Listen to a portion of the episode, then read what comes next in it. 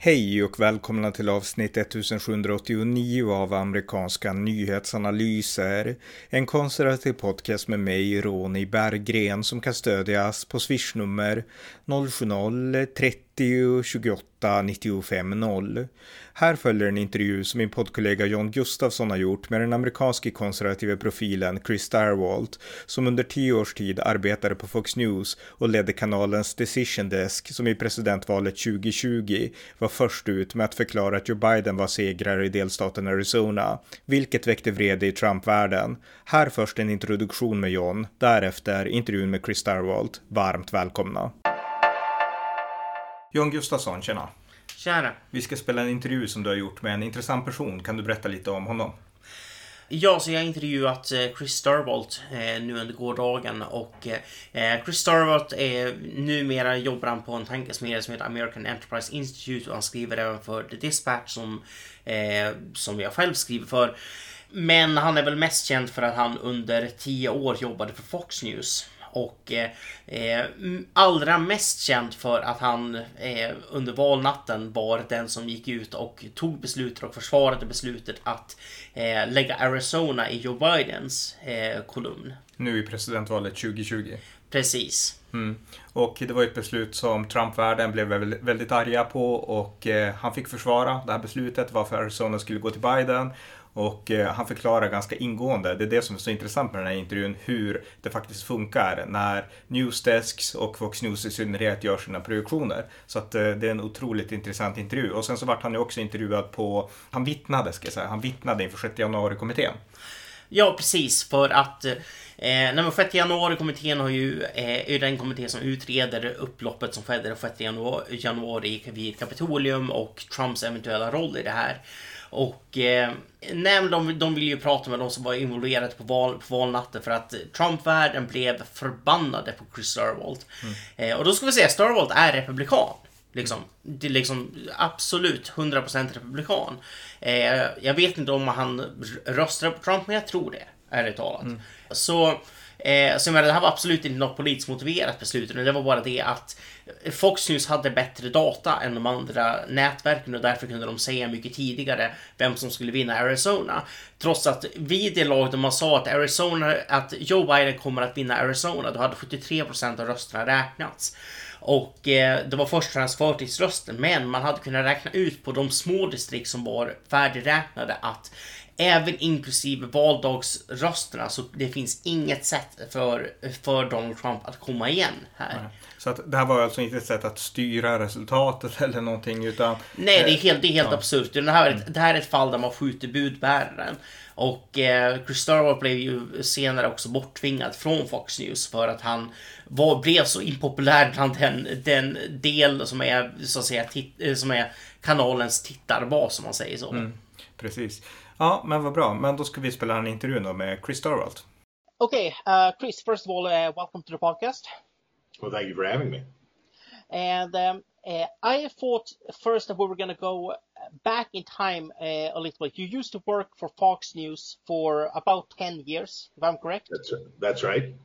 And uh, so if you just go back, uh, just go back in time to election night in 2020, uh, Fox News was the first network to call Arizona for Biden to say that uh, Biden had won Arizona, uh, which in practice, of course, meant that Trump's chances became very small of winning the presidency. And uh, your task, as I understand it, was to go on air that night defending defending that decision. Uh, and I know because we, uh, uh, because even here in Sweden, among those who followed American politics, people were very surprised that Fox News made this call, and uh, among the Trump supporters here, it was very controversial. So, could you just tell, like, could you just like explain briefly, like, how do networks decide to call a state? Well, um, I worked on the decision desk at the Fox News Channel from 2000, the 2010 midterm cycle uh, through uh, the actually the Georgia runoff uh, in so 2021. Um, so the way you so they're projections or forecasts and it would be not dissimilar from the weather forecast, uh, though we, we do a better job uh, than a weather forecaster I would hope does. so. Yes. So we take data um, and survey work um, is done prior to the election. I don't know if you want to get into all about what exit polls are and aren't and why we stopped using exit polls. Um, but in America, going back in the United States, there is no central authority to declare electoral winners until the Congress of the United States does so months at, or a month or two months after uh, the voting is held because we have a intentionally decentralized system in which each state is responsible for conducting its own elections. Uh, we have 50 states in the District of Columbia. They all conduct a separate election uh, for president. They vote for the president and vice president uh, every four years, and they they're winner take all except for two two states, Nebraska and Maine. Uh, the winner of the popular vote in each of the states is awarded all of the electoral votes from that state, which is one electoral vote for every member of Congress plus uh, uh, one electoral vote for every member of the House plus one for the two members of the Senate. Um, and you can have a state with as few as three, but you can have a state like California that has 53. Um, and if you win California by one vote, you get all 53 of the electors. Uh, and if you win West Virginia, that has uh, uh, will now have uh, four electoral votes uh, by a million points, you still don't get any more. So it's just winner take all for those things. Yeah. Um, and the way that our the way that our system, one of the geniuses of our system is no one is no one individual is in charge of that. And as we observed in the January 6th attack on the Capitol, uh, Americans got a real good civics lesson uh, in short order during that period over who says somebody becomes president. And the truth is, it doesn't happen until the vice president of the United States brings down the gavel in his ceremonial duty in the United States Senate to affirm the results that have been sent in by elections officials in all 50 states in the District of Columbia. They send them to the National Archives, they send them to the Senate. Those votes are counted up, those electoral votes are counted up, and whoever gets to 270 electoral votes or more uh, gets the gets the presidency. But that was a system that was devised uh, 250 years, almost 250 or 220 years ago. And people want to know. Uh, they want to know long before uh, that happens uh, two months later. So, what grew up in the United States in the 1950s uh, and persisted was election calls were made by television news organizations. Um, and we employ a lot of nerds to do their work uh, and look at the data. The data that we look at uh, are two kinds, really. One is um, survey data. What do polls reveal people are how people are going to vote? For a long time in America, we did something called exit polling, which is we would send real live human beings in Swedish. Sorry, just have to say, that, say that again. I, I will Oh, just okay. translate for the listener. Exit poll is vallokalsundersökning in Swedish, just so they know what you're talking about. Oh, I like the sound of that better than exit polling. uh, so as people left the voting booth and left the polling place, there would be people there with clipboards to ask them how they voted. This was uh, a, an input to help us, uh, to help networks make forecasts. But something happened in the United States over the past 40 years, which is that fewer and fewer people voted in person on election day. And by the 2016 election, 40% of all votes uh, in the presidential election were cast either early or by mail. Uh, and that made exit polling a lot less useful. So uh, the Associated Press, uh, our wire service, uh, the, the last of the wire services, uh, and a group called the National Opinion Research Center at the University of Chicago. We partnered at Fox News with those organizations to uh, build a, a better mousetrap. Because exit polls were not useful, uh, we wanted something better. And so we found a way to get a lot more survey data from a lot more people using the resources of the, as we call it, the NORC, National Opinion Research Center and the AP uh, for their Votecast project. And we put it together for something pretty cool. The way a forecast happens, you have survey data that tells you what you expect voters to do.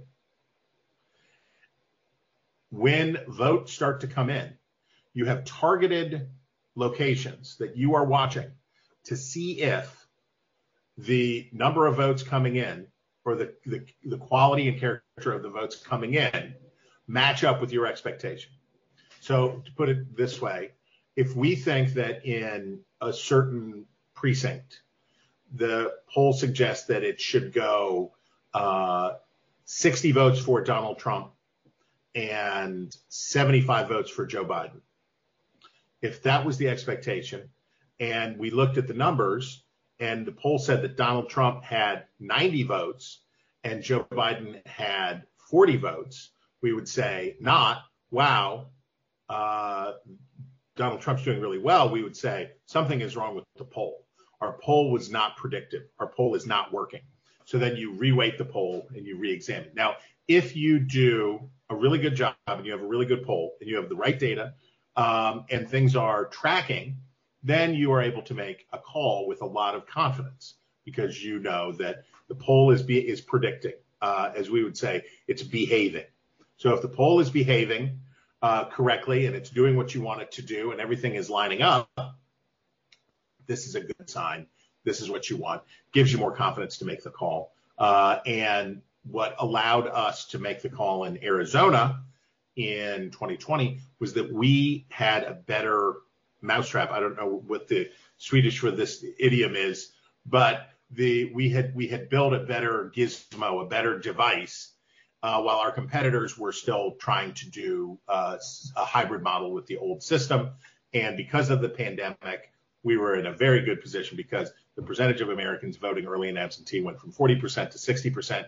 So our system, which did not rely on any exit polls whatsoever, uh, was we were we were very lucky in that way, and we were in a good position to make the call. So. Yeah, that's that's very that's very interesting. And uh, I mean, I saw you on on Fox News that night. I thought you did a good job uh, defending the call uh, defended the decision uh, to to put Arizona in the blue column.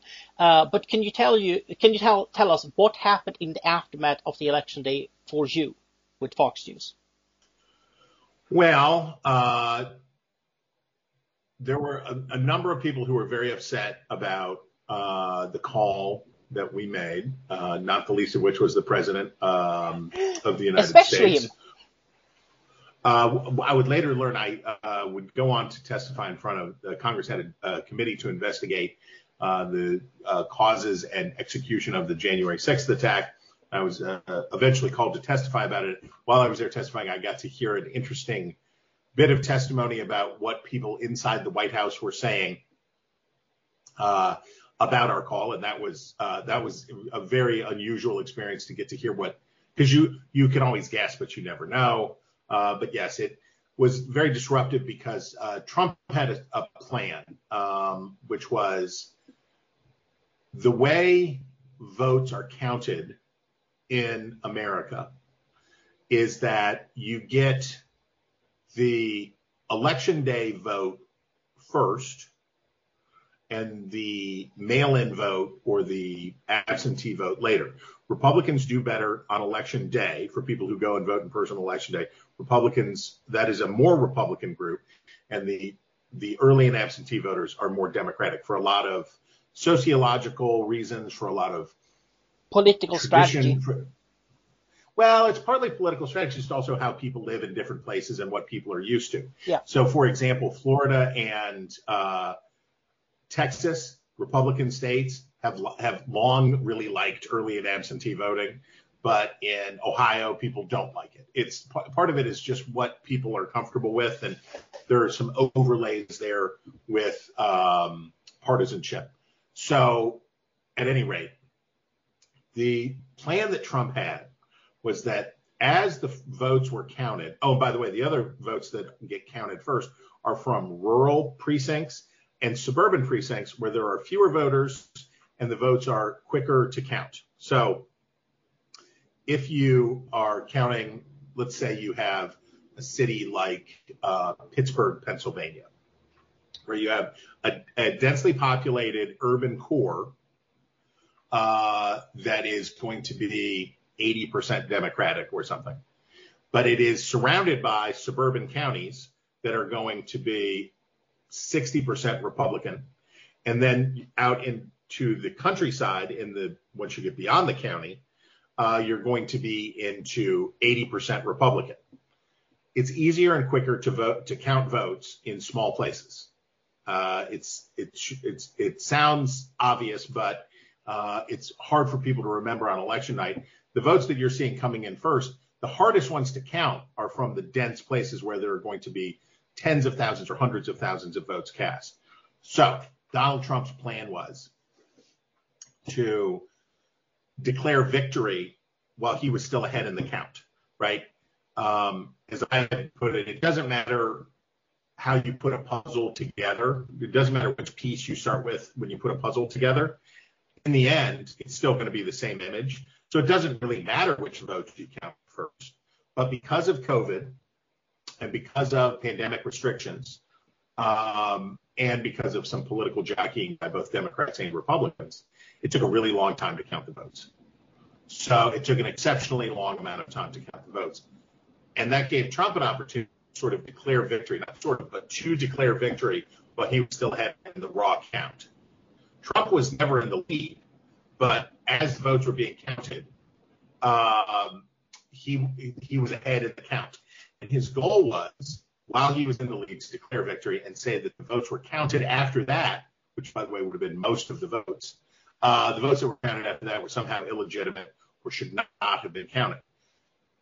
As it turned out, our call of Arizona for Biden was problematic to that narrative because, as you alluded to in your introduction, uh, there were basically five states that were going to get to decide the election because all of the there were five swing states, states that had voted for Trump in 2016 but were up for grabs. Wisconsin, Michigan, Pennsylvania, Georgia, and Arizona. Now, Trump could afford to have lost one of them, maybe two of them. I think there's a scenario in which he could win three if he has Pens, or he could lose three if he has Pennsylvania and Georgia. I forget. I, I once knew all of this math only too well, but a loss for Trump in any of those states would be very significant because it narrows his path, as you alluded to, to to just a speck. So having the call, and I will uh, I do not mind bragging about it since I don't work there anymore. But you know, we had the best decision desk in the business, and people really looked to Fox because of our team and how good we were at forecasting results. Uh, that we were, you know, um, the best, sort of the uh, the best in class, uh, and that it was not surprising uh, that we were able to win and go first. Um, but when we did, that had ramifications for how Trump would be able to deceive uh, Republican voters into believing that he had actually won and it had been stolen from him. Uh, uh, it made it harder for Trump because Fox is the preferred network for Republicans um, or for many Republicans. And for Fox to make that call, it badly undercut his case. Yeah. And uh, you lost your job with Fox shortly after that, didn't you?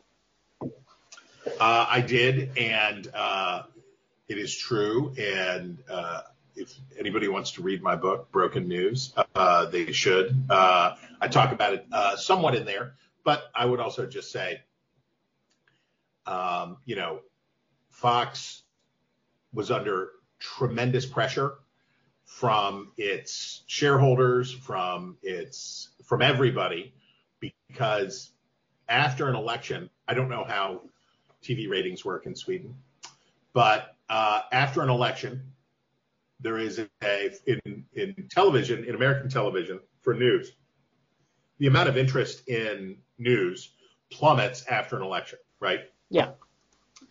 This would be like saying, you know, interest in soccer uh, is uh, sharply declines after the World Cup, right? So at least the in the U.S., we actually we actually watch soccer around here. But yes, I get your point. I, am sure you do, but I'm, but there's got to be like a, a pinnacle yes. moment yes, for the the soccer calendar where you're like, and then we've had the Grand Championship or whatever, uh, and done it, and once that's over, or how about Eurovision? After Eurovision is over, interest in Eurovision declines sharply. So after the election is over, viewers go away, um, and especially for the losing uh, side, they go away because they don't want to watch Joe Biden get inaugurated. They're not interested in coverage of Joe Biden's transition. They don't care about it, so they don't watch. So uh, there was a concerted push by right wing outlets to try to undercut Fox by by parroting lies that Donald Trump and others told about the election. Uh, we really won. It was really rigged. Uh, they were smuggling ballots into the country. There were many wild things that were said. Uh, we and, counted a lot of those ideas on this very podcast. Actually, we we were quite busy because those rumors made it made it into Sweden as well. Unfortunately. And and there were outlets in the United States that were parroting those claims, uh, which I think some executives at Fox, whatever, I don't know, but wrongly attributed the decline in viewership not to the natural cycle of things, but to that other outlets were uh, offering a rosier picture or a, uh, a, a better story for Republicans. You didn't really lose. Uh, it was really rigged. Joe Biden stole it. Joe Biden's not legitimately elected. Um, and I got I got fired uh, in right before the Joe Biden got inaugurated, um, and Fox has said a few different things about it, and I don't really care uh, because uh, obviously uh, I have never been more professionally happy in my life. So it's um, it was a great time that I had at Fox. It was a weird way for it to end, but that's okay. Yeah, and you alluded to uh, you mentioned you testified in front of the January 6th committee.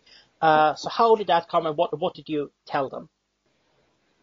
Well, they basically asked me to come sort of as an expert witness on just what you and I are talking about, to talk about this stuff and to talk about how elections are called. Hmm. I think the sound cut out. Uh, because they were trying to lay down that predicate, uh, and that's all. I they just asked me to uh, do my job for free uh, for them for a minute, and I was happy to do it. Okay, so uh, so final question. I know we're running out of, out of time. Do you believe that Donald Trump should be indicted for his role in the January 6th riot? Oh, I don't know anything about what Donald Trump ought to be indicted for. Uh, the I, I, can say that as a historian uh, and a watcher of politics, um, having a successor administration um, indict and criminally charge the predecessor uh, is very problematic. Um, just in terms of, and here I'm talking about sort of a Burkean idea about a well tended garden. Once you get into the business of charging your predecessor with crimes, you know, when Barack Obama took office, there were many in the Democratic Party who said that George W. Bush and members of his administration should have been prosecuted for their role in the Iraq War, and uh, things like that. And Obama refused, and uh, correctly, because once you start doing that, it never stops, right? If we yeah. look at what's going on in Brazil currently, the likelihood that Brazil, which by the way had a military junta until 1988 or whatever, yeah. the likelihood of Brazil going back to normal elections right now does not. Yeah. Uh, it, it'd be easy. It'd be easy to see how uh, Brazil could get stuck in uh, in in this place if Trump is criminally charged. So we're balancing two. And again, I'm not talking about the legal part. I don't know what he did, and I don't have any special knowledge. But if you're Joe Biden, you're balancing two, or Merrick Garland, the Attorney General, you're balancing two things. One is equality under the law, right?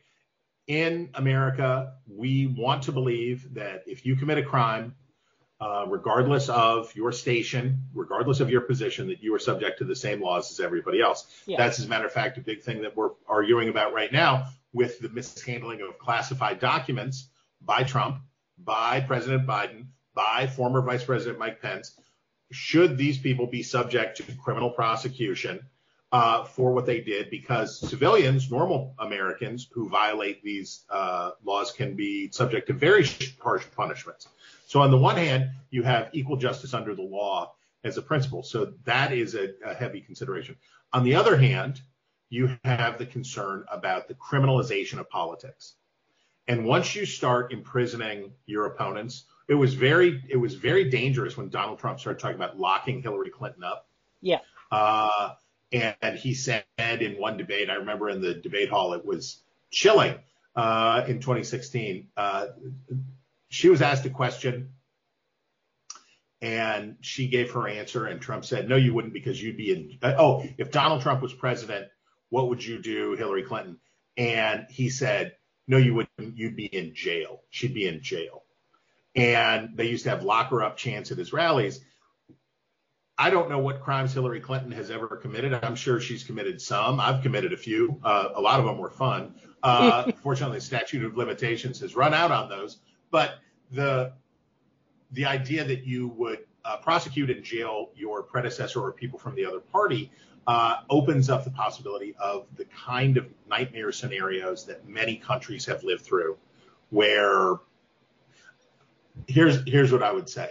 This is the, the it's a long way to to avoid your question, but I will say this. The best thing for the Republican Party today would be to beat Donald Trump and nominate another person. The best way for America to move on for, from Donald Trump is to defeat him, not to imprison him. If you jail him, he becomes a martyr. If you prosecute him, he will say that it is rigged, and his followers will believe it is rigged. The best thing for Donald, for the best thing for the Republican Party, the best thing uh, by extension for the United States, is that Donald Trump be defeated by his fellow Republicans and therefore repudiated, and then it's over, right? Um, we saw the consequences for Republicans. We just completed our midterm elections uh, for a third of the Senate and all of the House. And Donald Trump's candidates, the ones that he endorsed for his MAGA movement, did terribly. They had a they had a terrible outing, uh, and Republicans have begun to say that perhaps Trump is not the answer to the question, and that would be a lot better for the country to have a political solution to the problem of this sort of authoritarian populism. Uh, it would be it would be a lot better to have a political solution to that than it would be to have a legal or criminal solution to that. Okay. Um, well, thank thank you very much. I know uh, I know you're a, you're a, you're a busy man, so I'm gonna uh, I'm gonna I'm gonna let let you go. But uh, uh thank you so much for uh, for joining us, uh, Chris Stirewalt. Well, great questions and a real pleasure talking to you. Thank you for having me on. Yeah, thank you. Tack för att ni har lyssnat på amerikanska nyhetsanalyser, en konservativ podcast om amerikansk politik som kan stödjas på swishnummer 070-30 28 95 0 eller via hemsidan usapool.blogspot.com på Paypal, Patreon eller bankkonto. Skänk också gärna en gåva till valfri Ukraina-insamling. Tack för den här gången. Vi hörs snart igen. Allt gott tills dess.